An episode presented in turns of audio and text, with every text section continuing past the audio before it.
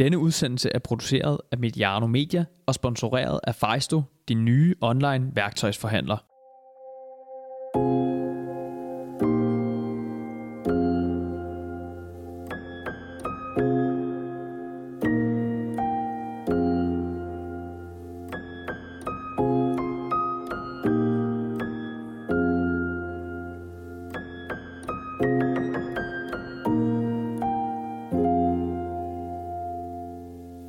Er tunet ind til det tredje afsnit i Medianos FC Nordsjælland Special om kvindefodbold, som vi laver i samarbejde med Fejsto. FCN er den første Superliga-klub, der er gået 100% ind på at skabe et kvindehold, hvor forretning er involveret i kvindefodbolden, og derfor har vi valgt at kigge lidt ekstra på Farumklubben. Mit navn er Anela Muminovic, og jeg er vært og redaktør på dette mini-projekt over fire udsendelser. Inden jeg præsenterer mine to gæster i dagens udsendelse, vil jeg anbefale dig, der lytter med, at tjekke feedet ud på kanalen Mediano-magasinet eller Mediano Q, hvor du kan finde de to seneste afsnit fra denne special.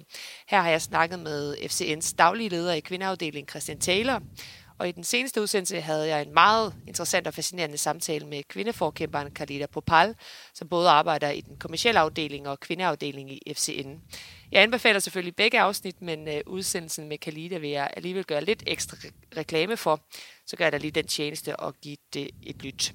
Men nu gælder det det her afsnit, og øh, det har jeg også glædet mig til at få ud over rampen. Så øh, et stort velkommen til dig, Kasper Klarskov. Tak. Og til dig, Bishop Barut. Tak. Mange tak, fordi I gerne vil med. Selv tak. Øhm, jeg har jo inviteret jer begge ind for at få et indblik i, hvordan øh, klubben og, og kvindeholdet fungerer indenfra. Og det, det håber jeg, vi bliver meget klogere på her de næste mange minutter. Øhm, Kasper, du er cheftræner for seniorholdet og blev det her ved årsskiftet, og Bysra, du er spiller på holdet og kom til i, i vinter fra Brøndby IF. Kan I øh, lige sådan kort præsentere jer selv for, for vores lyttere? Ja, men altså sådan min, min trænerbaggrund, og så måske mest interessant sådan på, på kvindesiden, startede vel sådan for en 5-6 år siden i Sundby Boldklub med noget U13 piger.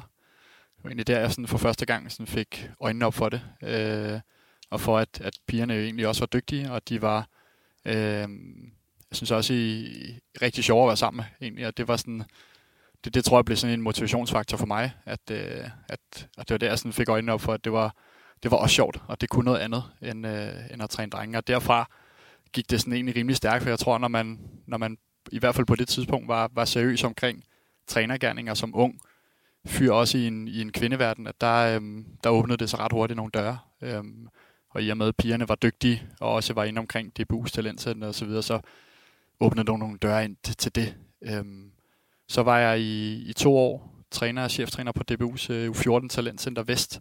Øhm, og efter det, øh, ja, lige et smut til Lyngbys drengeafdeling i et halvt år, og så øh, inden jeg fandt ud af, at jeg egentlig skulle tilbage og træne piger, og det var, det var sådan det, jeg brændte for allermest. Så jeg startede her i, i sommer også, øhm, og trænede U14-piger som, som sådan det første, øh, men blev egentlig ret hurtigt sluset ind omkring seniorholdet som, øh, som assistenttræner, fordi der, der store manglede en der. Øh, ja. du, du, du sagde, at øh, piger kan noget andet end drenge. Kan ja. du ikke lige præcisere det? Jo, men jeg tror, for mig har det handlet om, at øhm, altså, jeg synes, humøret er, er enormt afgørende egentlig også for, at, at, at jeg oplever ofte, at man får rigtig meget tilbage. Altså, at når man, at det, det handler selvfølgelig også om at give noget af sig selv, men, men jeg oplever også at få rigtig meget tilbage på sådan humørfronten. Øhm, og det tiltaler mig bare på en, på en anden måde, eller jeg synes, det er sjovt. Øhm, og så tror jeg også, det handler om for mig, at jeg kan egentlig godt lide det med at være, at være med til at starte noget, og være med til at, at, at bygge noget op i en eller anden forstand. Og, og det synes jeg er en fantastisk mulighed med, med pige- og kvindefodbolden her. Øhm, og det kan man ikke, det, det brænder sådan lidt ekstra i mig. Og den fornemmelse havde jeg ikke, da jeg var med drengene, var det, jeg tænker, det her, det er der jo tusind andre, der gør også. Øhm, og følte mig i, en, i sådan en stund sådan lidt bagud på, på spillere og på alle de ting, og kunne mærke, at da jeg kom tilbage til pigeverdenen, jamen, så var jeg jo næsten ekspert, eller sådan, så der vidste jeg i hvert fald, hvem de forskellige var, og kunne i meget højere grad sådan have en, en faglig snak med, med de andre pigetrænere også. Øhm, så det tror jeg bare, at, at det er blevet en niche på en eller anden måde for mig. Og Bysra, kan du fortælle lidt om, lidt om dig selv for vores lyttere? Øh, ja, jeg hedder Bysra, jeg er 22 år gammel. Jeg har spillet fodbold siden jeg var 6 år gammel. Jeg startede i øh, noget, der hedder SGIF, som er Slagsund Galleløse Idrætsforening. Jeg kommer fra Galleløse selv, så det var lidt oplagt. Øhm, jeg startede egentlig, som sagt, som seksårig, fordi at, øh, det altid har ligget til min familie at spille fodbold. Godt nok ikke kvinderne. Øh, jeg er den første pige, der har spillet det. Med, min søster hun spillede håndbold. Øhm, men min far og min onkel og min fætter har alle tre spillet faktisk i Farum. Og min fætter har spillet for FC Nordsjælland. Så, øhm, Hvem er de fætter? Samet Borut. Okay. Øhm, så det, jeg blev ligesom bare lidt født med en fodbold i fødderne. Og så gik det bare derudfra. Så spillede jeg i Galnøs i omkring 8 år, hvor jeg derefter rykkede til BSF. Øhm, og der gik det jo som sagt lidt, der gik det lidt mere gang med det seriøse. Øh, der var jeg måske 4-5 år.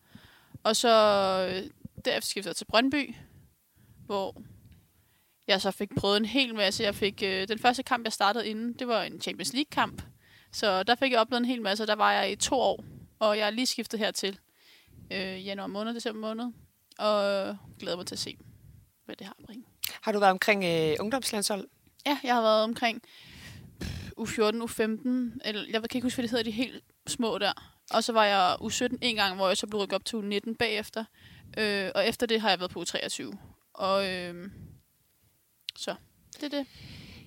Tak for, for den øh, fine introduktion for jer begge to. Øh, jeg kan godt tænke mig at høre, sådan, ja, jeg begge to faktisk, hvad der fik jer til, til at sige ja til at komme her til, til FC Nordsjælland? Altså, det der fangede mig, det var helt klart det projekt, de har gang i. Øh, de går rigtig meget op i, at, det skal være, at der skal være lige for kvinderne og for mændene. Øh, og det kan man også godt mærke. Jeg tror bestemt, det her det er den klub, hvor de har prioriteret kvinder øh, mest. Selvfølgelig så er det svært at gøre det 100% lige, fordi herrene, de, de er årsagen til, at øh, der kommer en god indkomst og alt med fansene og alt det der. Men det der med, at de gør et forsøg, og de prøver at få kvinderne længere frem og prioritere dem mere, det fangede mig rigtig meget, og øh, også faciliteterne. Altså, jeg bor på hotel hver mandag, øh, tager op om tirsdag en morgentræner. Der er frokost, morgenmad og aftensmad. Øh, så der var mange ting, der fangede mig, men øh, det var allermest det her projekt med kvinderne og lighed. Så der, du skulle ikke bruge meget overtagelse til, til at komme herop, eller hvordan? Nej, det skulle jeg ikke. Jeg synes, jeg vil gerne være en del af det, vi har gang i. Men søgte du også mere spilletid, for eksempel? Eller jeg, hvad søgte var det? også, jeg, selvfølgelig, jeg søgte også mere spilletid. Øhm, men jeg havde jo også tilbud fra en masse andre klubber. Men grund til, at det endte med at blive den her klub, det var helt klart på grund af projektet. Øhm, så det synes jeg er rigtig fedt. Jeg tror for mit vedkommende, der... Jeg kan huske, at jeg blev kontaktet også af Taylor og sådan i, i starten, altså sådan lige i den sådan helt spæde start også på øhm, at skulle op og være omkring akademiet. Ja, Christian Taylor, bare lige for præcis, vores lytter, ja, den øh, daglige leder ja, af kvindeafdelingen. Lige præcis. Øhm, men man var på derværende tidspunkt ikke, altså der, der havde jeg det sådan lidt, jeg ville skulle se det, før jeg, før jeg tror det. Øhm, og på den måde gik der lige et år mere. Øhm, men så, så passede det egentlig med, at, at i og med, at jeg skulle stoppe øh, på DBU's Talentcenter, så, øhm, så gav det også mening, at så åbnede det op for, at jeg kunne sådan på den måde komme ind i, i at træne og være cheftræner på et pigehold igen. Øhm, der var lidt låst af, af at være i debut øh, på det tidspunkt. Øhm, så, men, men da jeg snakkede med dem anden gang, øh, med, med ham især også, altså, der var jeg ikke så meget i tvivl. Der var det det, jeg gerne ville tilbage til. Og så havde det sådan, at hvis jeg skulle tilbage til pigefodbolden også, så, så så jeg klart det her som det mest spændende projekt. Øhm, og øh, ja, og det har egentlig bare sådan, altså blevet ved med sådan at bevise, egentlig, synes jeg. Øhm, det synes jeg har været spændende at være, at være en del af også, at være, ja, være sådan med fra start i en eller anden forstand. Det synes jeg stadig, jeg har været, selvom jeg lige brugt et års tid mere, men, men man føler stadig, at jeg har været med fra start også, og, og været med til at sætte præg på det i en eller anden forstand. Så, så det tog egentlig ikke så... Derfra tog det ikke så lang overtagelse. Ja. Men var du, var du skeptisk i starten i forhold til, nå, skal jeg lige se, hvad det her det bliver til? Ja, men det var jeg, fordi... Øhm, altså dels på... Øh, en ting er, hvad der bliver sagt, men, men er der også hold i det, fordi det, det, det kan man jo godt have en oplevelse af, eller sådan tænke, okay, ja ja, lad os nu lige se. Øhm, er der bliver der rullet det ud, som der bliver lovet egentlig, og, og så videre. Så det, det vil jeg gerne se, før jeg troede på det. Øhm, og, øhm, og så var man jo også dygtig at lave et godt stykke arbejde i forhold til at få licens og så videre. Og det, det gjorde selvfølgelig også det sidste, at man fik, at man fik den, og man øh, på den måde også kunne, øh, kunne rekruttere nogle dygtige piger. Øhm, så man kan sige, at den overgang, jeg startede med at træne heroppe, er vel sådan reelt set den første sådan rigtige akademiårgang, som kom ind i U14 allerede. Ikke? Og, og forhåbentlig skal være her i mange år og være dem, som en dag også spiller på førsteholdet. Og Kasper, du var allerede assistent på holdet, øh, da du fik rollen øh, som, som cheftræner. Var der nogle betænkeligheder ved det? Øh, nej, det var der faktisk ikke. Altså, jeg, jeg vil sige, altså dels var jeg overrasket over at blive spurgt, øhm, men jeg tror, betænkelighederne var mere altså sådan tidligere i, i min sådan, trænergærning, hvis man kan sige det sådan, at, at jeg tænkte på, skal jeg, altså jeg, jeg, jeg har altid synes det var spændende at talentudvikle, og har altid synes at det segment, der var i sådan 13, 14, 16, var rigtig spændende.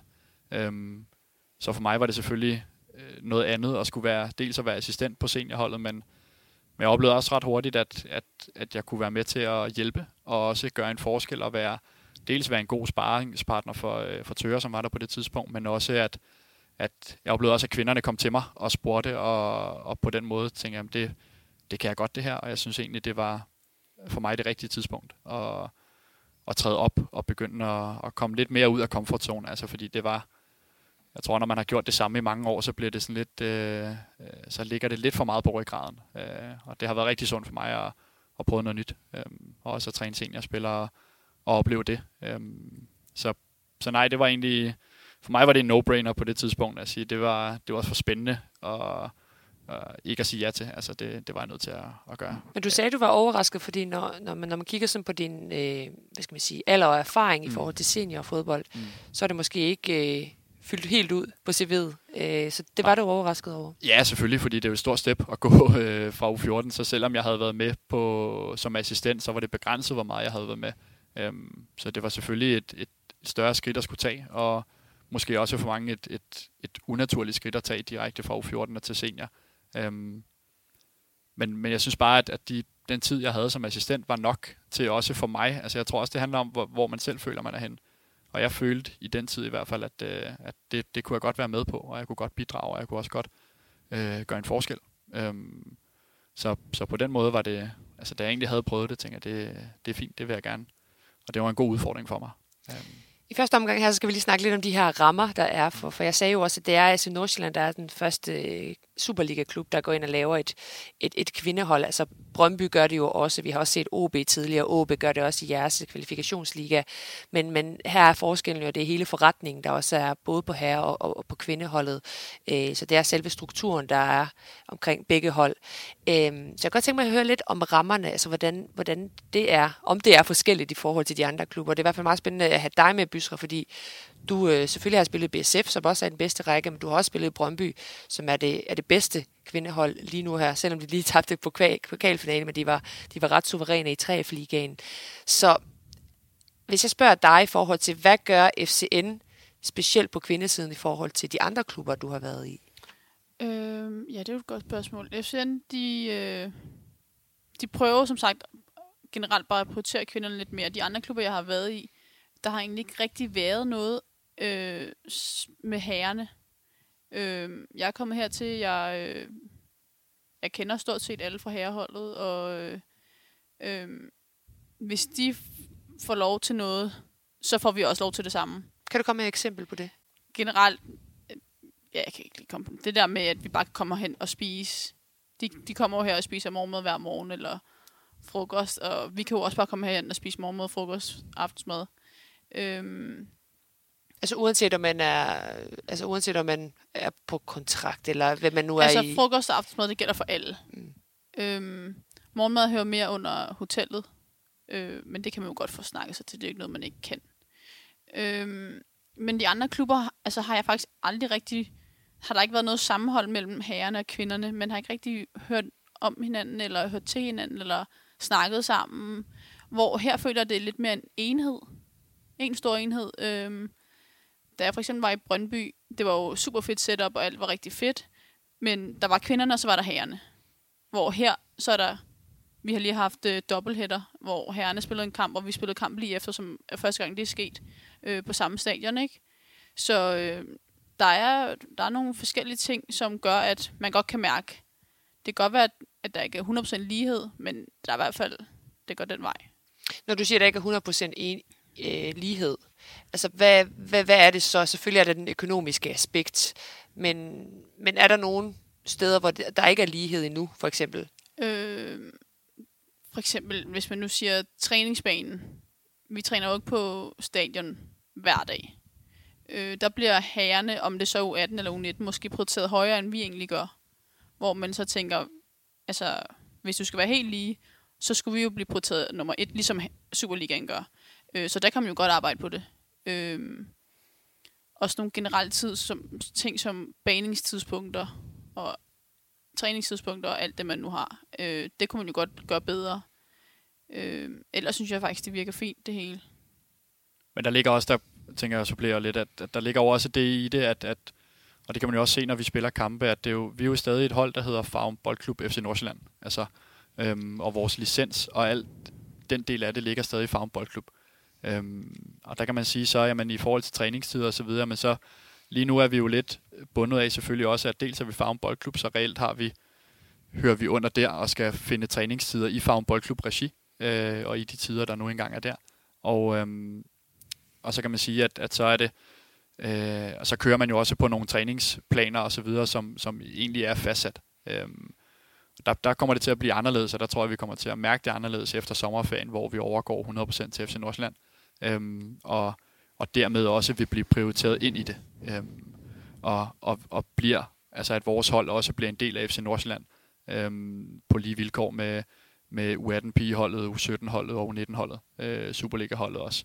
Og så kan man sige, for at tage det sådan et, et ekstra i forhold til, altså det er klart, at, at træningstider herrer og kvinder imellem er jo, er jo så svært at, at gøre lige, fordi for Superligaen, så er de fuldtidsprofessionelle. De kan være her og træne. Øh, de, de træner nu her, mens vi sidder og snakker øh, her ved, hvad klokken blev, den er, klokken, den er 11, ikke? Øhm, og, og, og når jeg har skulle spørge ind på tider til næste år, eller sådan er blevet spurgt på tider, så, øh, så har jeg været nødt til også at tage højde for, at vi jo altså har nogen, som har fuldtidsarbejde, og nogen, der har studier osv. også, og det er ikke, det er ikke hvad som helst, de laver. Øh, så, så der er på den måde, at vi jo nødt til at tage nogle andre hensyn, og der kan man sige, nej, det kan ikke blive 100% lige endnu. Øh, jeg håber på, at man kommer derhen af, og jeg oplever egentlig at blive prioriteret i den, i sådan den fremtidige sæson også, og, og, og hvad kan man sige, vi har jo også skulle prøve tøj og så videre, alle de ting, som, som der er på lige vilkår med, med herrerne, og vil få de samme vilkår på den måde.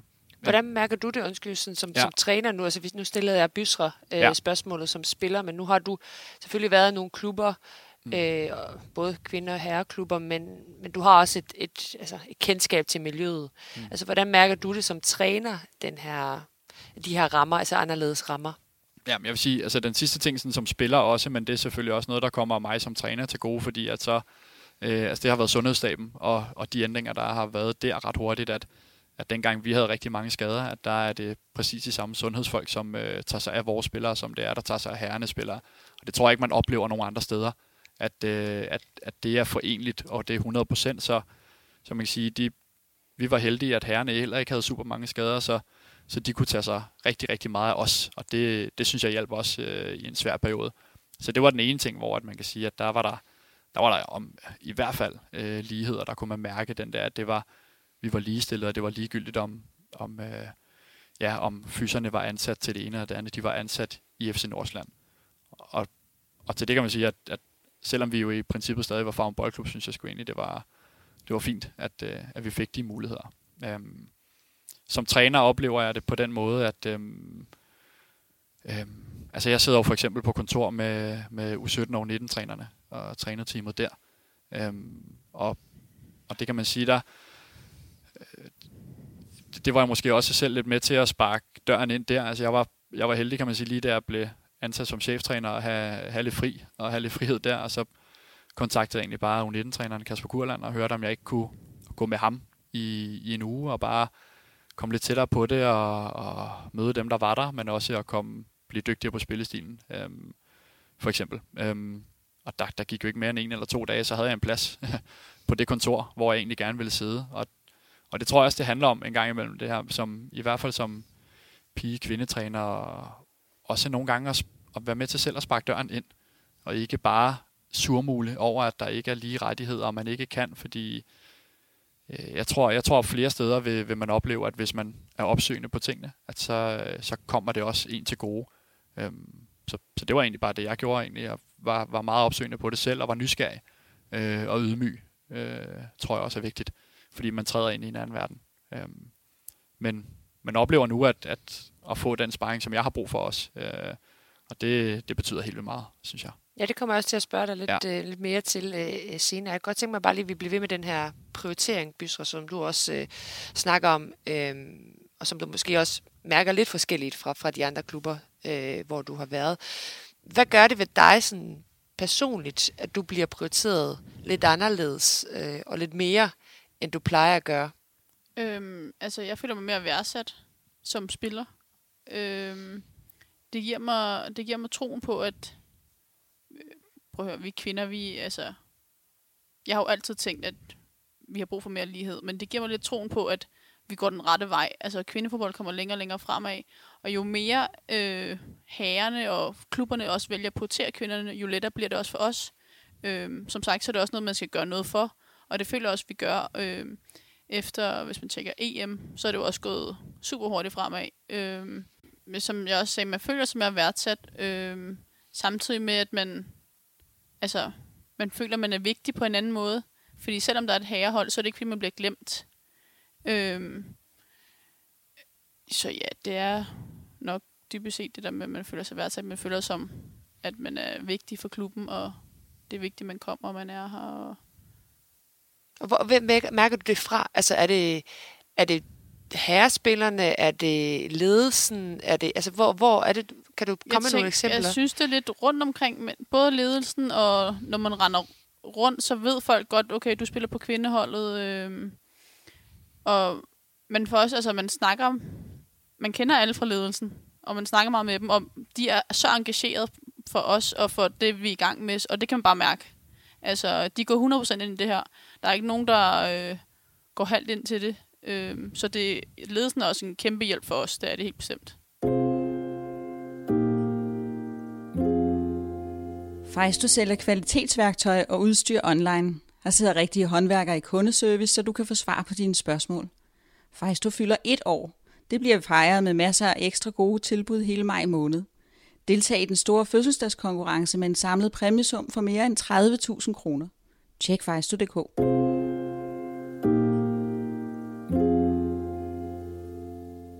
altså, jeg vil supplere egentlig på det også, at, at for mig var det også en enorm omvæltning at, sådan i starten at, at komme op på, ja, på ledelsesgangen og på kontoret deroppe. Øhm, og så vidste folk, hvem jeg var, og tiltalte mig på fornavn, og, og også selvom det var nogen, jeg måske kun havde set en gang, og, og dårligt vidste, hvem de var i starten, så vidste de i hvert fald godt, hvem jeg var, og de var nysgerrige på det. Øhm, og spurgte ind til resultaterne, de havde tjekket op. Altså sådan, så, så hele den der, at du kan mærke, at, at, at folk interesserer sig faktisk for det, og det er oprigtigt. Øhm, det samme havde vi jo også øh, ret tidligt i, altså i forhold til spillestil og de ting, havde vi jo også Flemming, før han blev cheftræner, øh, Flemming Pedersen, som, som, som kom også og holdt et oplæg for, for spillerne. Øhm, nogle gange, når vi har videomøder, øh, øh, inden kamp og efter kamp og så videre, jamen så, så sidder U19-træner nogle gange med og er med som sparringspartner, men også bare for at lytte. Øhm, øh, hvad kan man sige? Og, og nogle gange så, så byder han ind, og andre gange så kan ham og jeg tale om det bagefter. Lige så vel som jeg kan gå med på, på, på samtlige træninger og videomøder også på, på både 17 og 19, øhm, hvis jeg har lyst til det. Og det, øh, det synes jeg er fantastisk. Altså det er jo, det er jo mega fedt i forhold til ens sådan, udvikling i det, og, og mærke, at alle er egentlig velkomne. Og, det, og der er klubben meget åben, synes jeg. Så det har været, det har været enormt fedt at mærke den der med, at vil sige, især det, der, det, det overraskede mig op på ledelsesgangen, at, at folk vidste, hvem man var, og tiltalte en på fornavn og så videre. Der var ikke, ja, og det var lige fra direktør til mediemedarbejder og så videre. Det, det synes jeg var stort. Ja. Hvis vi kigger sådan lidt på en, en typisk uge, altså hvordan den er i, i FC Nordsjælland på, på, på kvindeholdet. Hvordan er den for dig, Bysre, altså, øh, når, du, når, når, når ugen starter mandag? Altså, hvordan ser den ud for dig? Øhm, altså, jeg har jo sabbatår og arbejder, når jeg har lyst og overskud. Så jeg prioriterer fodbolden 100%, og øh, derfor ser det nok lidt anderledes ud, end den gør for andre. Øh, jeg starter min mandag ud med at vi har normal restitutionstræning, fordi vi har spillet kamp søndag oftest. Øh, så starter den ud med at lave noget restitutionstræning. Så er jeg på hotellet og spiser noget mad. Og så øh, sover jeg og står op dagen efter til morgentræning tirsdag morgen.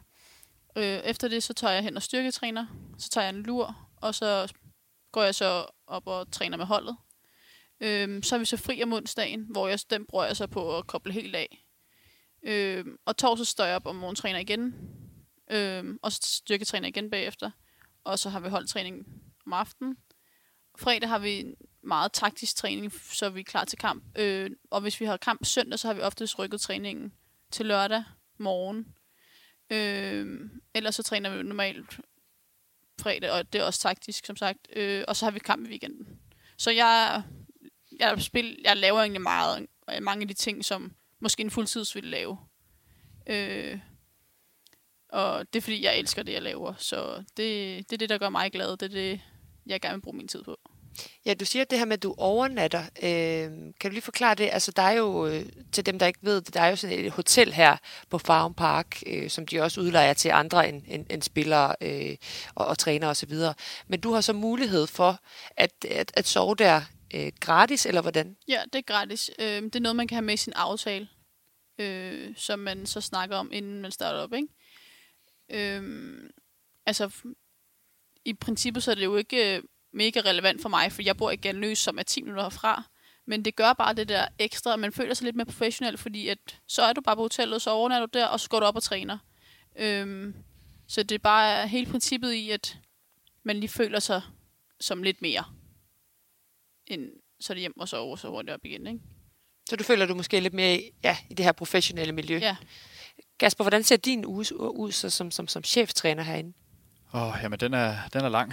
den, øh, jamen, typisk så, så vil det jo være sådan, at, øh, at når vi har spillet i weekenden, så skal jeg jo gerne analysere kampen igennem.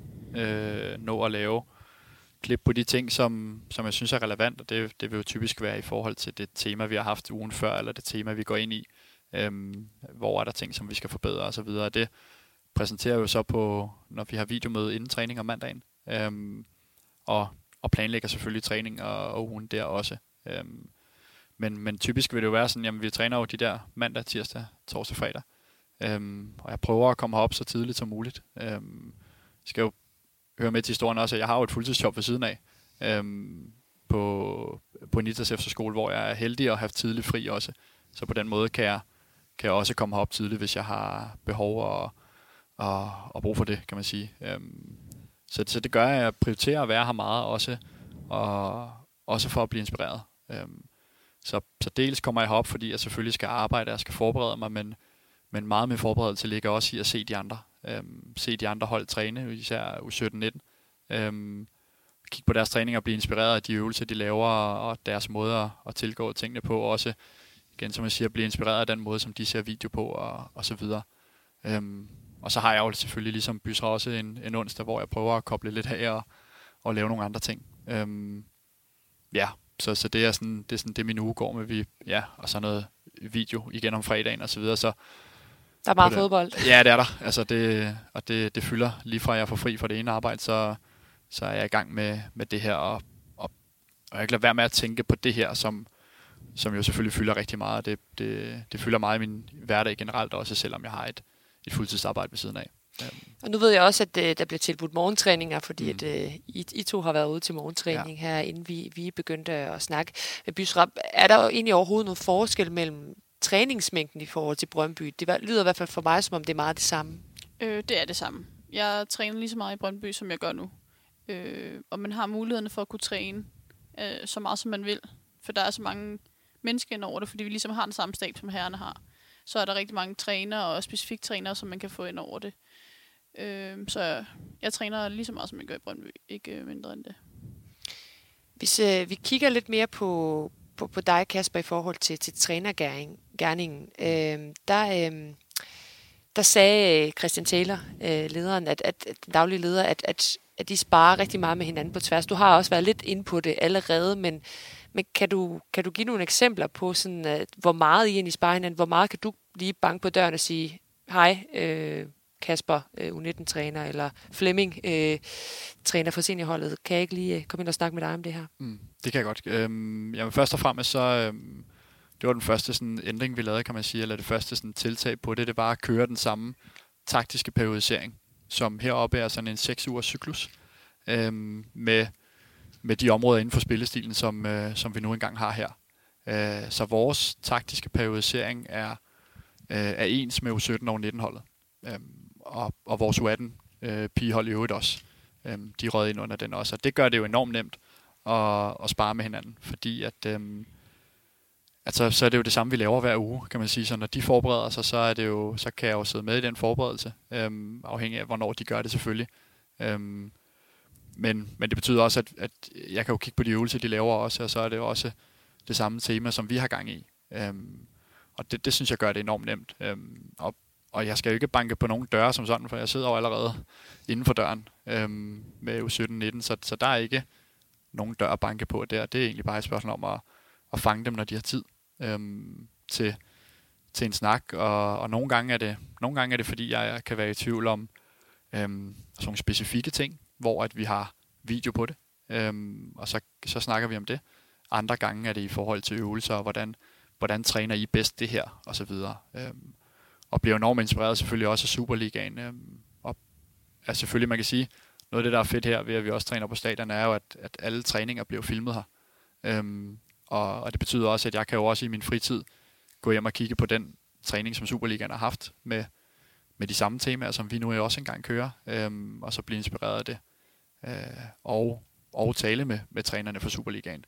Øhm, det er klart, at Flemming har mere travlt nu, end, øh, end han havde før, så i den rolle, han havde før, var det, var det nemmere at tilgå ham. Øh, nu har han selvfølgelig nogle, nogle større arbejdsopgaver, så, så vil det i højere grad måske være en, øh, en Frank Hjortbjerg for eksempel, som, øh, som, som jeg slutter med om, omkring øvelsesvalg og, og sådan nogle ting også. Ikke? Øhm, så det er sådan, ja, det, det er sådan den sparring, som, som jeg oplever i hvert fald, som er fantastisk, altså som er enormt udviklende og, og bedre end alle kurser, jeg i princippet har været på. Øhm, ja. Og føler du egentlig, at de er ligeværdige, når I så sidder inden for inden det her lokale, så er sådan mm. den respekt, der er? Eller ja, det... er det dig, der ligesom skal lære fra de andre? Nej, men altså, det, ja, altså ligeværdige i den forstand, at, at, øhm, at vi snakker om de samme ting, og, og, og hvad kan man sige, og jeg, jeg bliver hørt også. Men, men det er klart, at i og med, jeg kun har været sådan rigtigt inde i det i noget, der ligner et halvt år nu, øhm, så har jeg jo stadig sindssygt meget at lære. Jeg tror også, det, som vi siger, den der, for mig har det været vigtigt også at have en ydmyg tilgang til tingene selvfølgelig, men også at være nysgerrig. Øhm, så en blanding af de to ting gør, at, at jeg er der selvfølgelig rigtig meget for at lære. Øhm, og, og vil oftest være den, der spørger ind. Det er sjældent, jeg bliver spurgt ind til, til ting på det, og det, det tænker jeg helt naturligt. Øhm, og så, så kan man sige, så i og med, at de jo også er her på fuld tid, så har de jo også nogle andre tidspunkter, hvor de sikkert sidder og, og sparer med hinanden på, på det plan. Øhm, men man kan sige, at den sidste ting på det er, at, at vi har jo vi har også sådan nogle style of play meetings, hvor at det er ja, øh, Superliga-trænerne U19, U17, U15, U14 osv., dem der har tid til at komme med det tidsrum, øh, kan komme, og hvor at vi alle sammen kan levere klip ind i princippet på det tema, som vi nu engang snakker om. Øhm, så der har jeg lige, lige så meget ret. Øh, vores U18-træner har lige så meget ret til at levere klip ind, som vi synes er, er, det, er det rigtige i forhold til spillestilen. Det vi kalder best practice. Øhm, der, øhm, der vil jeg også kunne blive hørt. Øhm, så på den måde oplever jeg lighed. Ja. Bishra, vælger du nogle gange at spare med, med andre spillere end, end dine holdkammerater? Altså er der nogle andre spillere, du måske vælger at spare med fra U19, U19-holdet eller U17-holdet eller Superliga-holdet? Eller er det noget, du godt kunne ønske dig, øh, at du måske kunne sidde sammen med, med en spiller, som, som spiller samme plads som dig? Øh, altså, der har vi jo nogle gange skulle se herren og så analysere den spiller, som spiller samme plads. Men det er ikke som... Jeg føler ikke, at jeg som sådan har brug for at snakke med dem om det, fordi der har jeg jo mine holdkammerater, som også spiller samme plads, eller som er der. Vi spiller jo alle sammen efter playbook. Øhm, og fordi vi er så nyt et hold, så har vi også rigtig, rigtig mange møder, hvor vi så også får besvaret mange af de spørgsmål, vi har. Så jeg føler ikke, at jeg som sådan har et behov for at skulle behøve at snakke med de andre spillere om det. Øh, enten kommer jeg til min træner, eller så får jeg svar på det på vores videomøder, som vi har rigtig ofte. Noget af det karakteristiske ved, ved, ved FC Nordsjællands kvindehold er jo, at I spiller på samme måde som, som herreholdet faktisk nærmest hele klubben. Øh, og det er ikke bare en, en spilfilosofi, som man lærer fra den ene dag øh, til, den, til den andet. Øh, altså Kasper, for dem, som ikke lige er helt inde i spillestil, hvis du sådan kort skulle forklare, hvad går den ud på her i FC Nordsjælland? Mm. Altså, jamen man kan sige, for det første er det jo en meget... Øh, dels vil vi selvfølgelig gerne have bolden, og vi vil gerne være i kontrol med bolden. Øh, det er den ene ting, er, af det, men så vil vi selvfølgelig også gerne være effektive. Øh, og det betyder, at vi prøver at være, at være direkte, når vi har muligheden for det. Øh, og, øh, og man kan sige, i forhold til at, at have bolden øh, og vinde den hurtigt tilbage, så er vores høje presspil jo også en, øh, en vigtig faktor i det, så vi kan vinde den så højt som muligt øh, og er tættere på mål. Og på den måde nemmere kan man sige, at vores omstillinger fylder selvfølgelig også rigtig meget. Øh, både offensivt, men, men især også defensivt har vi jo måttet erkende, at, øh, at der, øh, der har vi måske stadig lidt at lære øh, på ikke bare at blæse til angreb hele tiden, men også at sørge for, at vi, øh, at vi står godt placeret til en eventuel defensiv omstilling. Øhm, så, så det er noget af det, hvor vi prøver at ligge på, selvfølgelig. Men, men, men i det store hele er det jo en, en offensiv spillestil og en offensiv tankegang, som alle vores spillere skal have. Og det er jo lige fra, fra målmand, som, som også en gang imellem vil være placeret midt på egen banehalvdel, når vi er, er i angreb, for, øhm, for enten at være med i spillet, eller for at kunne øhm, man sige, tage de, de, de dybe stikninger, der må komme imod os. Øhm, så, så sådan et, et generelt offensivt mindset, øhm, tror jeg beskriver det sådan allerbedst. Øhm, og et spil, hvor vi bruger fødderne rigtig meget og prøver at spille hinanden i fødderne. Øhm, ja. Byster, du jo kantspiller, og før vi gik i gang, øh, sagde du også til mig, at du bliver også brugt som vingbak faktisk nu. Øh, men kan du sådan forklare lidt, hvad, hvordan den her spillestil egentlig har været for dig, efter du er kommet til?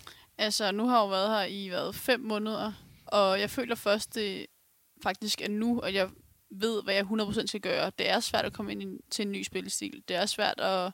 Hvad mener du med det der med, jeg ved, hvad jeg 100% skal gøre? Fordi når du har en spillestil, som du skal gå efter, så er det jo, øh, det er jo ikke fordi, at det er det eneste, du må følge, men du har de der retningslinjer, som gør det nemmere for dig at øh, tage nogle beslutninger og nogle valg. Øh, og de beslutninger og valg det er jo noget, man skal prøve at træne og spille, før man rigtig får det ind i sig, øh, uden at behøve at tænke så meget over det. Så det er først nu, at jeg begynder at forstå spilstilen på den måde, at jeg ikke behøver at overveje hver eneste beslutning, jeg tager, men jeg ved, okay, det, nu, løber jeg, nu spiller jeg den dybt, eller nu spiller jeg den ind. Øh, så på den måde er det, så er jeg blevet lidt mere øh, komfortabel med den nu. Har der været nogle udfordringer med den? Altså, er der stadigvæk det? Altså, du siger selv, du har kun været her fem måneder, og jeg, jeg nåede også lige at forklare, at det er ret en, en speciel spillestil, som kræver ret meget øh, fra spillerne. Altså, er det stadig meget udfordrende, den her, den her måde at spille på?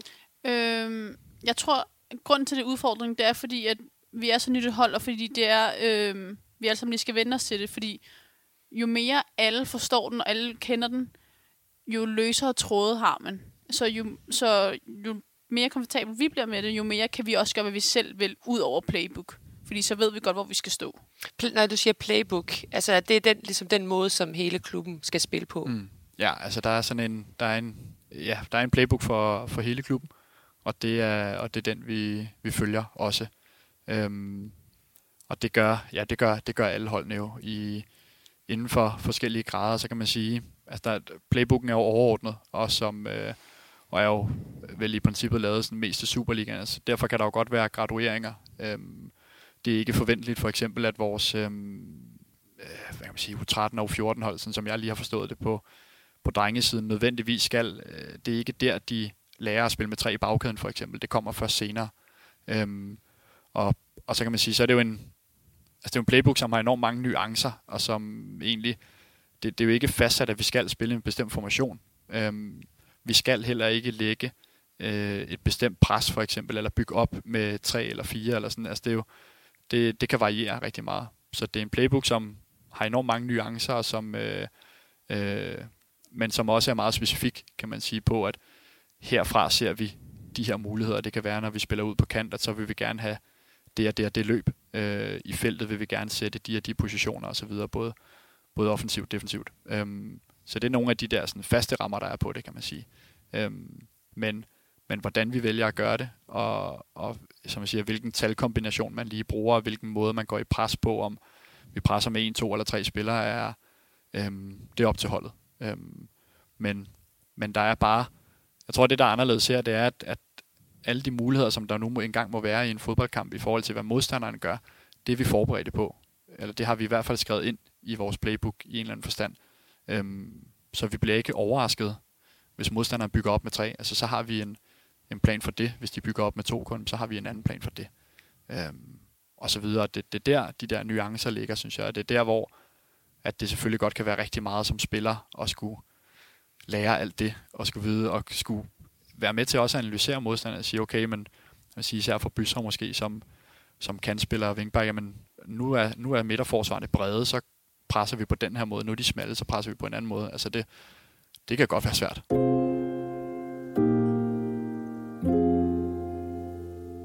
Fejstu er din nye online værktøjsforhandler. Kig ind på fejstu.dk og se, hvordan du bliver klar til foråret. Lige nu er der masser af fødselsdagstilbud hele maj måned. Der er præmier for mere end 30.000 kroner og op til 35% på haveredskaber og maskiner. Tjek fejstu.dk. Bruger du din hjerne, fodboldhjerne, meget mere i forhold til, til den her spillestil end, end tidligere i din karriere? Øh, I starten gjorde jeg, men som sagt, så gør jeg ikke så meget mere, fordi nu ved jeg det bare. Nu gør fødderne det bare, uden jeg behøver at tænke så meget over det. Så i starten så gjorde jeg det, skulle jeg virkelig, virkelig have gang i øverste etage og tænke over, hvad i ting jeg gjorde. Øh, men som sagt, når det kommer lidt mere naturligt ting, så behøver du ikke at bruge så meget energi på det, og så, øh, så ved du bare, at du skal gøre det. Så ved jeg, når, de, når jeg skal lave kantpres, og når det er angreb, der skal presse, og hvornår jeg går højt, hvornår jeg går lavt, og alle de der ting. Har du nogle gange lektier for, kan man sige? Så sådan, sidder du derhjemme nogle gange og skal tærpe, no- ikke tærpe nogle ting, men lære nogle nye ting? Jeg har faktisk lektier for hver uge. Okay. Efter hver kamp, så har vi noget videoanalyse, vi selv skal gøre. Vi skal analysere vores, øh, os selv, eller dem, der spiller på vores plads. Øhm, og så skal vi lave nogle klip med, hvad vi har gjort, og hvad vi er i tvivl om, og hvad vi kunne gøre bedre. Hvad synes du om det? Øh, det synes jeg er fedt, fordi jeg så... Altså, jeg er normalt typen, der ikke ser min egen kampe igennem. Hvis jeg lige har lavet et mål eller sådan noget, så kan jeg godt lide at se det igennem. Men man ser det på en anden måde nu, fordi at... Øh, jeg tror også, at det, der har gjort det lidt nemmere for mig at lære playbook, fordi at jeg ligesom har gået så meget ned i detaljer. Øh, så det har gjort det lidt nemmere at øh, gense situationerne, og ikke bare have en fornemmelse efter kampen, fordi den kan være så speciel efter en kamp, at hvis man lige får set den igennem igen, så kan den være noget helt andet. Øh, så det er rigtig rart, at man faktisk lige får øh, lektier for på den måde. Er det forventningen til alle spillere, Jasper? det, er jo, det er jo i, i grunden er det jo faktisk lidt, altså det er jo frivilligt, øhm, om de gør det. Det, som jeg startede med at sige også, jamen, altså vi har jo spillere, som, som har fuldtidsstudier, fuldtidsarbejde og så videre. Øhm, så på den måde kan det jo være enormt svært at nå, men, men det er klart, at jeg sætter der pris på, når de gør det. Øh, også selvom det tager mere af min tid, fordi det er jo mig, der svarer på de øh, klip, som de nu engang har, men, men jeg synes, det er godt, når de gør det. Øh, det, det er der ikke nogen hemmelighed. At, øh, og jeg tror på, at det er godt givet ud, og det, det synes jeg, jeg kan se. Altså jeg kan se tydeligt på de spillere, som arbejder med det, at, øh, at de udvikler sig fra gang til gang. Fordi at, øh, ja, fordi at det bliver, det bliver specifikt på detaljerne. Øh, og, og det er små nuancer hele tiden, men hvor jeg kan se, at de lægger lag på, dem som der arbejder meget med det. Øhm, og det gør det også meget nemmere for mig, i både i træning, men også i kamp, og sige, at det var lige præcis den her situation, den har vi begge to set. Øh, det er det her. Altså, det var det, du kommenterede på, det var det, jeg kommenterede på. Øhm, og det, det synes jeg accelererer udviklingen øh, enormt meget.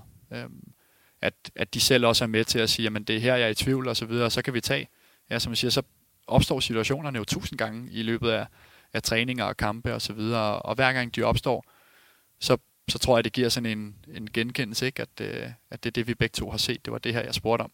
Så det, altså jeg, jeg bifalder alle dem, der gør det, men har også respekt for, at der er nogen, der ikke gør det. Øhm, fordi de ikke er professionelle. Altså, så på den måde er forventningen til, at, at de gør det, de kan. Øhm, ja. Ja, hvis vi kigger lidt på, på det økonomiske, så, så øh, en af målene for den nye kvindeliga, som den bedste liga skal hedde her fra næste sæson, at, øh, at 15 spillere kommer på kontrakt i hver klub inden for de næste fem år. Nu snakker du noget med professionalisme osv., det har man ikke her i FC Nordsjælland endnu. Øh, Kasper, jeg går ud fra, at du er på kontrakt og, og selvfølgelig får penge for at være træner, øh, så der venter jeg lige lidt med. Men Bysre, er, er du på kontrakt? Eller hvad kan man kalde det? Er det sådan en aftale? Ja, jeg, ja. jeg, jeg er mere på en aftale. Øhm, det skulle gerne ændre sig efter sommer, så skulle vi gerne kunne få kontrakter. Men øhm, Ja, det sagde Christian Taylor også, da jeg ja. snakkede med ham okay. om, at der er nogen, der har, der er nogen, der har aftaler. Øh, der har man ikke haft økonomi nok til at have alt for mange spillere på kontrakter. Det tror jeg også har noget at gøre med, at det er måske de spillere, de har hentet udefra, der er på aftaler. Og hvad, hvad, hvad, hvad indebærer sådan en aftale? Det er for eksempel det her med, at du kan komme ind og, og overnatte på, på hotellet og bruge øh, faciliteterne øh, osv. Øh, der, er- der er jo også løn indblandet, og så kan du have støvleaftaler, du kan have øh, transportaftaler, der er en masse ting, det kommer på, hvad du selv øh, vælger at have med i din aftale. Øh, men det er ikke noget, som er afgørende lige nu, fordi at det som sådan ikke er så stort. Så det er jo bare en bonus, kan man sige, man får ved siden af, men det er ikke noget, som er livsafgørende for os, og det er jo ikke noget, vi lever af. Det er bare ekstra. Men kunne du godt tænke dig, nu, nu, nu, har, du, nu har du ligesom øh, rammerne her omkring, og, og det hele lyder jo så, så godt, altså når jeg sidder og lytter p- til det, men, men altså, og, og den tid, I bruger på det, både dig, Kasper, og dig, Bysre, altså I bruger rigtig meget tid på det. I lever egentlig på professionel tilværelse, men, men I har også noget ved siden af. Altså er drømmen ikke også, at, at I skal være det? Måske ikke professionelle med det samme, men, men alligevel få nok løn til, at man ikke skal lave noget ved siden af. Jo, helt bestemt. Det vil jo, øh, det vil gøre alting lidt nemmere. Øhm, jeg er jo i en situation lige nu, hvor det er okay. Men hvis, når snart jeg starter på studie og skal flytte og alt det der, så har jeg jo brug for også at have en fast indkomst. Hvor at hvis jeg både skal læse og arbejde og gå til fodbold, jeg vil ikke kunne få det til at hænge sammen. Fordi at, øh, jeg så gerne også vil træne det ekstra, som jeg gør. Øh, så det vil være, om noget tid, så kommer det til at være afgørende.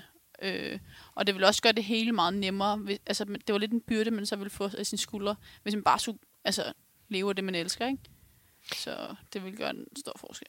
Ja, fordi når, hvis- hvis, det, hvis det fortsætter sådan, Kasper, sådan som jeg øh, lytter til det, så, så er det vel heller ikke så meget forskelligt fra Brøndby og Fortuna, øh, som, som det er lige nu. Altså målet er selvfølgelig også at, at blive mere afhængig af, at, at, man kan, at man kan leve af det her. Øh, måske på fuldtids endnu, men, men måske deltids. Øh, altså, hvad gør det for dig som træner i hvert fald? Du er jo også, som så, øh, hvad kan man sige, du får også løn, men du har også et fuldtidsarbejde ved siden af. Øhm, hvordan, Præcis. kunne du, hvordan kunne du tænke dig, at det blev, det blev udviklet, det her, fra, fra din stol? Ja, jamen altså først og fremmest så er jeg jo faktisk lige nu både ansat af Farm Boldklub og ansat af FC Nordsjælland. Øhm, og det er ikke Altså, det er jo ikke vigtigt for mig at fortælle, at, at jeg ikke bliver rig af at lave det. Hvis jeg gjorde det, så havde jeg jo ikke et fuldtidsarbejde ved siden af. Øhm, men, og det er heller ikke for at forklare klubben, men jeg tror da, tror sagtens, man kunne, hvis jeg gerne ville være rig af det, så havde jeg taget et andet job, også lige nu i hvert fald. Øh, ja, der tror jeg da sagtens, man kan finde herre serietrænere, som, øh, som tjener mere, end jeg gør øh, og, og kvindetrænere i første division og så videre, og så andre steder, som øh, tjener mere end jeg gør, selvom jeg bruger langt over det dobbelte af tiden på, på det her. Men, øhm, og det er ikke, igen som jeg siger, det er jo ikke nogen klagesang. Jeg gør det jo også, fordi når jeg sidder heroppe, så må jeg sige, at når jeg kommer tidligt herop, så er det jo også for at blive inspireret, og så er det for at blive dygtig. Øhm, så, så det er jo et valg, jeg tager også. Øh, det er et valg, jeg tager, at øh, øh et eller andet sted, at vi ser video to gange om ugen, at, øh, at, at jeg bruger den tid på det, som jeg nu engang gør. Det er et valg, jeg tager. Øhm, for, og der kan man sige, der, der har vi da også med 3F-hold, som, som ikke engang filmer deres kampe. Og det er klart, så kommer man selvfølgelig udenom det. Altså, så behøver du ikke som træner at sidde og analysere det osv. Øhm, det vælger jeg at gøre. Øhm, fordi jeg synes, det er en vigtig del af, af min udvikling også. Og så, så håber jeg selvfølgelig på på sigt, at, at min aftale også bliver i en, i en sådan grad, at, at jeg kan mm, ikke bruge mere tid på det her op, fordi det, det tror jeg ikke er muligt lige nu, men, men i hvert fald få mere for det, så jeg kan skrue ned et andet sted, øh, så min økonomi og hverdag også hænger sammen. Øhm, Ja, fordi, fordi man, kan, man kan vel godt være øh, i en situation, som I er begge to nu, hvor man siger, okay, jeg har tiden til det, mm. jeg vil gerne lære noget nyt, men, ja. Men det kan man nok ikke i, i længden. Det kan du kun til en vis grad, altså, hvor at man kan sige, at man, ja, man prioriterer det. Øhm, og ja, altså, så kan jeg det, fordi at jeg har et fleksibelt arbejde og sådan nogle ting, men, øhm, men det kunne jeg også være uheldig ikke at have. Eller sådan. Så det er jo, ja, altså jeg bruger den tid, som jeg synes, jeg gerne vil bruge på det lige nu, og, og bruger også, øh, hvis jeg selv skal sige det, mere tid, end, end hvad jeg burde. Øh, tænker hvad der egentlig også er i min aftale. Øhm, men det gør jeg af egen frivillige, fordi jeg synes, det er sindssygt spændende. Men fornemmer I, at der er ambitioner omkring det her, altså fra, fra, fra klubben og, og ledelsen, at okay, ja, det er sådan, som det er lige nu, men hvis vi rykker op i 3F, mm. hvis der om et, to, tre år, jamen, så bliver det et andet setup. Ja, altså, altså jeg, jeg ved, at, at det bliver et andet setup også fra sommer, og, og, øhm, og man selvfølgelig arbejder man hen imod også, at en, en cheftræner skal være ja, enten deltid eller fuldtid. Øhm, men, men jeg ved også, at det ikke er noget, der sker fra den ene dag til den anden. Øhm, og det, det er jeg egentlig også klar til at vente på. Øhm, ja, og så, og så, så arbejder man selvfølgelig også på, man kan sige, i forhold til at gøre det endnu mere professionelt, så handler det jo også om, at, øh, at, at vi ikke behøver at træne kl. 6 for eksempel. Altså, at i og med, at spillerne også kommer til at forhåbentlig på sigt at, at få bedre aftaler øh, lønmæssigt, så kan de måske gå ned i tid på, på deres arbejde, deres rigtige arbejde, så at sige, øh, og så kan vi starte tidligere, ligesom man vil se det i, i, i Brøndby for eksempel, tænker jeg, hvor at de, at de træner før vi gør. Øhm. Ja, der træner vi klokken 4 om fredagen for eksempel, hvor vi træner klokken 6 her, ikke? Mm. Øhm, det, det gør meget, at man træner så sent. Også fordi nogle gange, hvis vi nu for eksempel træner sent fredag og har kamp lørdag morgen, så når man ikke den samme resolution, som hvis du har nærmest hele fredagen til at restituere. Øhm, så det gør meget, de der træningstidspunkter. Jeg tror også, der var mange, der var glade for at have dem lidt tidligere, hvis de selvfølgelig havde nogle gode aftaler. Men som det ser ud lige nu, så er det bare ikke en mulighed, fordi folk ligesom kommer fra skole og fra arbejde. Så det er jo noget, man tager med tiden. Hvor vigtigt er det for dig, at, at der sker en eller anden udvikling i forhold til rammerne? Altså, øh, nu siger du, du har sabbatår, så du kan jo du kan egentlig godt gøre, hvad, hvad, hvad du vil, men, men hvis du skal blive ved med at spille så meget og udvikle dig, så er det vigtigt for dig, at der kommer en udvikling i forhold til, altså, jeg vil gerne have en deltidskontrakt, eller måske drømmen af en, en, en fuldtids. Det kommer jo til at være rigtig afgørende for mig, så snart jeg starter et studie igen. Øh, fordi ellers så vil jeg have det rigtig svært ved at få det til at fungere og køre rundt. Øh, den eneste grund til, at jeg kan det nu, som du siger, så er det fordi, jeg er sabbatår. Øh, hvis jeg ikke havde det, så ville jeg jo kunne få det til at køre rundt lige så nemt. Så ville det kræve et deltids- øh, eller fuldtidskontrakt. Øh, men altså, hvis vi rykker op, som vi håber rigtig meget på, så skulle det gerne gøre en stor forskel af, hvad vi har fået at vide. Øhm, så der, vi kommer til at finde ud af rigtig meget efter sommer. Ja, det vil jeg faktisk gerne lige snakke lidt mere om, omkring det her med, med, med oprykning. Øh, det er noget af det sidste, vi kommer til at snakke om. Øh, for der er ret store krav, øh, selvom det, det er et nyt projekt, og der er noget af et pres, altså både for dig som træner, Kasper, og for dig, Bysre, som, som spiller. Øh, målet er 2019, jamen, der skal man spille 3F øh, og det er jo lige efter sommerferien.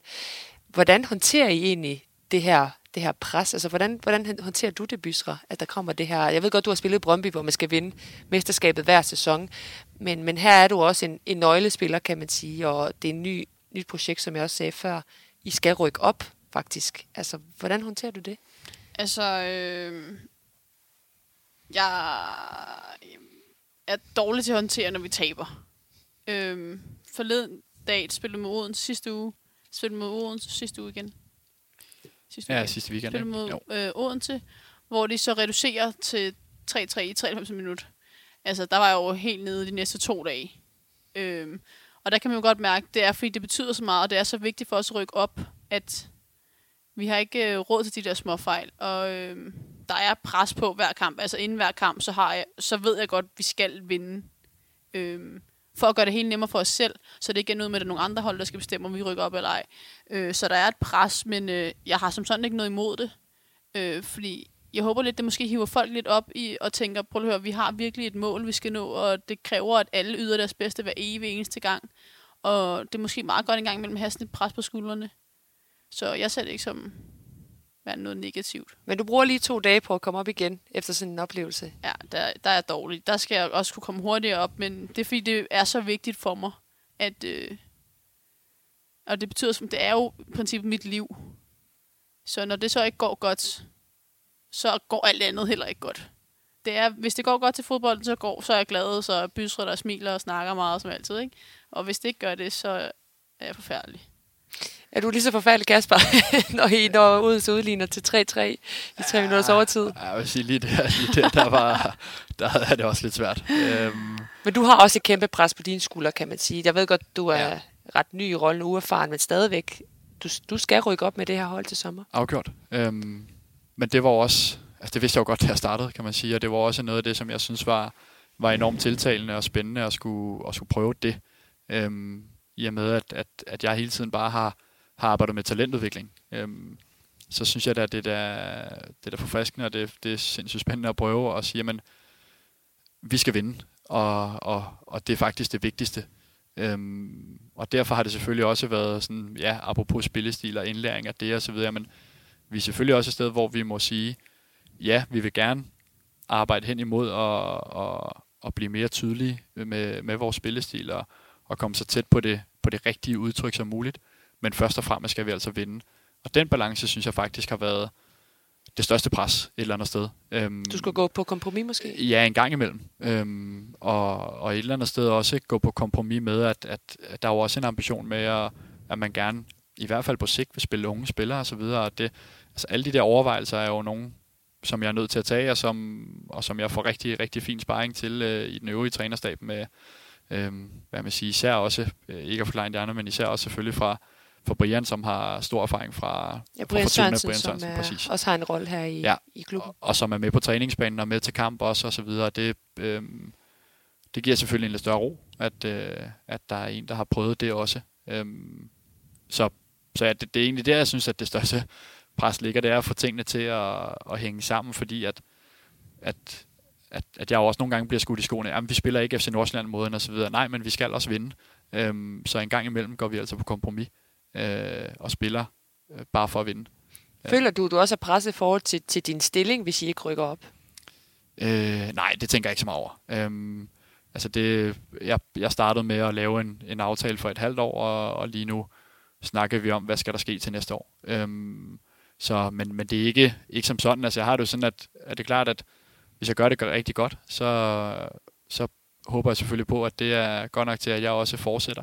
Hvis, øh, hvis ikke vi lykkes med at rykke op, øhm, så har det også omvendt sådan, jamen, så kan det godt være, at man fortsætter stadig med mig, fordi så er det jo et spørgsmål om, at, øh, at det er klart, det er jo mere attraktivt for andre trænere også at, at skulle overtage tre hold, end at skulle overtage et, øh, et første divisionshold. Så det tager jeg egentlig ret stille og roligt. Jeg har en, en god dialog med, med Christian Taylor også omkring, omkring det, og det, de forventningsafstemninger, der er der. Og det, jeg tror, det kan man ikke bruge tid på at tænke over. Um, hvis vi ja. kigger aktuelt på, på stillingen i kvalifikationsligaen, så er det ikke gået helt som forventet. Øh, det tror jeg også, I hurtigt vil være enige med mig i. Øh, Bisser, hvordan har kvalspillet indtil videre været for dig? Uha, det har gået op og ned. Øh, men vi har så også en kamp eller to mindre end de andre en kamp mindre. Så øh, vi har jo, øh, altså muligheden er stadig stor. Øh, men vi har så også smidt nogle dumme point væk. Ja, hvad har gjort det? Hvorfor har I Jeg smidt tror, det? det har noget at gøre med, at vi er så nyt et hold, at vi kender hinanden så lidt i forhold til, hvis man har været et rutineret hold, der har spillet sammen længe, og hvis her skal hun spilles, her skal hun spilles. Øh, og det tager, det tager rigtig lang tid øh, med så nyt et hold, at, at, fordi det er jo kun en, to, der er nye. Det er jo over halvdelen af holdet, der er helt nyt. Så det tager rigtig lang tid for det første at lære hinanden at kende, for at lære spilstilen at kende, men også bare det der med at få det til hele til at hænge sammen. Øhm, så det tror jeg har noget, jeg tror også det overrasker os alle sammen, fordi vi starter så godt ud, og så ender vi med at spille rigtig dårlig kampen efter. Øhm, og det er det der med, at hvis vi så måske havde været lidt mere rutineret, så havde vi måske ikke... Øh, vi har et ret lavt bundniveau, har vi så fundet ud af. Men det kan vi måske skubbe lidt mere opad, lidt længere opad, når vi øh, lader hinanden lidt bedre kende. Og ja, har det været sværere end forventet? Fordi du siger, at du I starter rigtig godt ud, øh, og så har der været nogle kampe, hvor I, hvor I så er faldet ned. Men altså... jeg tror, det er generelt ligaen, den har været total øh, for alle. Altså, så har du vundet stort over et hold og tabt til det andet hold, og så har de så vundet stort over det hold, du har tabt til. Så det har været, generelt hele ligaen har været totalt øh, krøllet sammen og forvirrende. Man kan ikke læse noget ud fra tabellen, det kan du ikke. Er holdene blevet stærkere, Kasper, i det her, altså både første division og i kvalifikationsspillet her mm. de, i forhold til de seneste år? Ja, det tror jeg i den grad, ja. øh, og jeg oplever da også en, en, et kvalifikationsspil, som har væsentligt mere nerve og, og spænding, end, øh, end det har haft tidligere. Måske endda også været mere interessant udefra end, øh, end 3F-slutspillet. Øh, det, det tror jeg godt, man kan sige, fordi at, at, at som Bys også siger, at, at at det har været så uforudsigeligt med, med hold, der slår hinanden på kryds og tværs. Øh, så det ene øjeblik, så dømmer man lidt Vildbjerg ude, så, så tager de to udsejre mod, mod Odense og B93, som, som, som jo også har været øh, hvad man siger, oprykningskandidater. Øhm, det er jo sådan en gave, som vi øh, skal tage, kan man sige, når vi også har, har fejlet undervejs øh, ved, ved nederlag, især, især mod B93 gjorde rigtig ondt, fordi det var umiddelbart en direkte konkurrent. Øhm, så er det jo så bare dejligt, at de også sætter point til. Øhm, så på den måde, det er jo rigtigt, som Bysser siger, vi kan jo selv afgøre det. Og man siger, apropos pres, og sådan, som vi snakker om før, så det er jo vigtigt for mig også at hele tiden at holde, altså dels, dels altså faktisk at kigge på tabellen, og sige, jamen, hvad er det, vi kan læse ud fra tabellen? Vi kan læse, at, at vi har spillet færre kampe end de andre. Vi kan læse kampprogrammet og sige, jamen, der er nogle hold, der har nogle svære kampe. Øh, Næsby, som har tre svære udkampe nu her, eksempelvis mod, mod os og mod Odense og mod 93. Øhm, og, øh, og så hele tiden kigge på det også og sige, jamen, det kan godt være, det ser dumt ud, når man kigger på det udefra, og, og folk har også været hurtige til at, at skulle øh, lægge pres på mig, altså folk, der ikke sådan lige, så har de kigget på tabellen og siger, ah, det ser godt nok svært ud nu, og så siger jeg, nej, det synes jeg faktisk ikke, det gør. Jeg synes, det ser ganske fornuftigt ud. Vi kan selv afgøre det. Og så længe vi selv kan afgøre det, så, ja, så er der selvfølgelig pres på, men, men, men det er stadig noget, der er i vores hænder. Altså, så det er jo ikke, vi er ikke afhængige af, at de andre hold skal tabe eller sætte point til osv. Det er vi heldigvis ikke, fordi de har gjort det. Øhm, så, på nuværende kan vi jo selv afgøre det, det synes jeg egentlig er rimelig betryggende. Øhm. Har I mærket sådan, at de andre hold, når I har mødt dem, har haft en ekstra motivation, når de så har mødt jer, fordi her kommer FC Nordsjælland, dem der satser fuldt ud på kvindefodbold? Øh, ja, det føler jeg lidt. Altså, også fordi vi blev sittet som etter. Øh, så det tror jeg også har meget at sige. Men også altså, fordi, der er mange, der har sagt, at de var favoritter til at, ja. til at rykke op. Ja. ja. Øh, sammen med faktisk Aalborg, ikke? HB. HB? HB. Ja. øh, men ja, jeg tror også, altså, navnet siger, gør også rigtig meget. Vi hedder FC Nordsjælland. Det er en Superliga-klub, øh, hvor mange af de andre, det som sagt, altså, kender man ikke så meget til, hører man ikke så meget om, hvor vi er også meget ude i medierne, og man hører meget om os, og der bliver satset meget på os, så det er klart, at folk måske tænker, at vi er en lidt større trussel end et eller andet hold, men knap nok kender noget til. Men har du kunne mærke det på banen, at spilleren, altså modspillerne har været måske de der 10% ekstra øh, motiveret mod dig og resten af dine holdkammerater, når de møder jer? Øhm, det ved jeg faktisk ikke, om jeg kunne mærke. Øh. Man kan vel godt sige mod B93 et eller andet sted, at, at vi har nogle spillere, som kommer jo direkte derfra hen over sommeren, og, øh, og samtidig var der også nogle spillere derfra, som var til prøvetræning, som vi ikke havde plads til. Altså, øhm, så der, lige præcis den kamp, tror jeg, der, der var der, der tænker jeg, der var mere på spil end bare de tre point. Øh, det oplevede jeg i hvert fald, at, øh, at, at, at der betød det mere, eller sådan, jeg tror, det betød noget for begge hold. Ja. Øhm, jeg tror mere, jeg er bare sådan en, som ja. fokuserer meget på mig selv, når jeg spiller kampe, så jeg lægger ikke så meget mærke til det rundt omkring. Øh, så det er måske derfor, jeg ikke har set mm. så meget. Jeg er meget inde i min boks, og så er der de 90 minutter i gang, og så er det bare mig og mit hold. Og det får du i hvert fald brug for her de næste, næste mange kampe, hvor I, hvor I selv kan afgøre det, men I skal også øh, vinde. Så nu kommer det store 100 dollar million question. Rykker I op? Ja. Bestemt. Det bliver i hvert fald meget, meget, meget spændende at følge med i her i, i forårets sidste kampe. Jeg vil sige mange tak til jer, til jer begge to, Kasper og Bysra. Det var en fornøjelse. Selv tak. Selv tak. Det var det tredje afsnit i Medianos miniserie med Nordsjællands satsning på kvindefodbold, som vi laver i samarbejde med Fejsto. Der kommer en udsendelse mere, og den skal du også glæde dig til, for her vil jeg få en længere snak med ejeren af FC Nordsjælland, Tom Vernon, der fortæller om sine tanker om denne satsning, satsning på kvindefodbold. Og husk lige at abonnere på kanalen Mediano Q. Jeg ved, jeg siger det i hvert eneste afsnit, men det er vigtigt, hvis du vil opdateres på alt det nyeste fra kvindefodboldverdenen. Vi lyttes ved.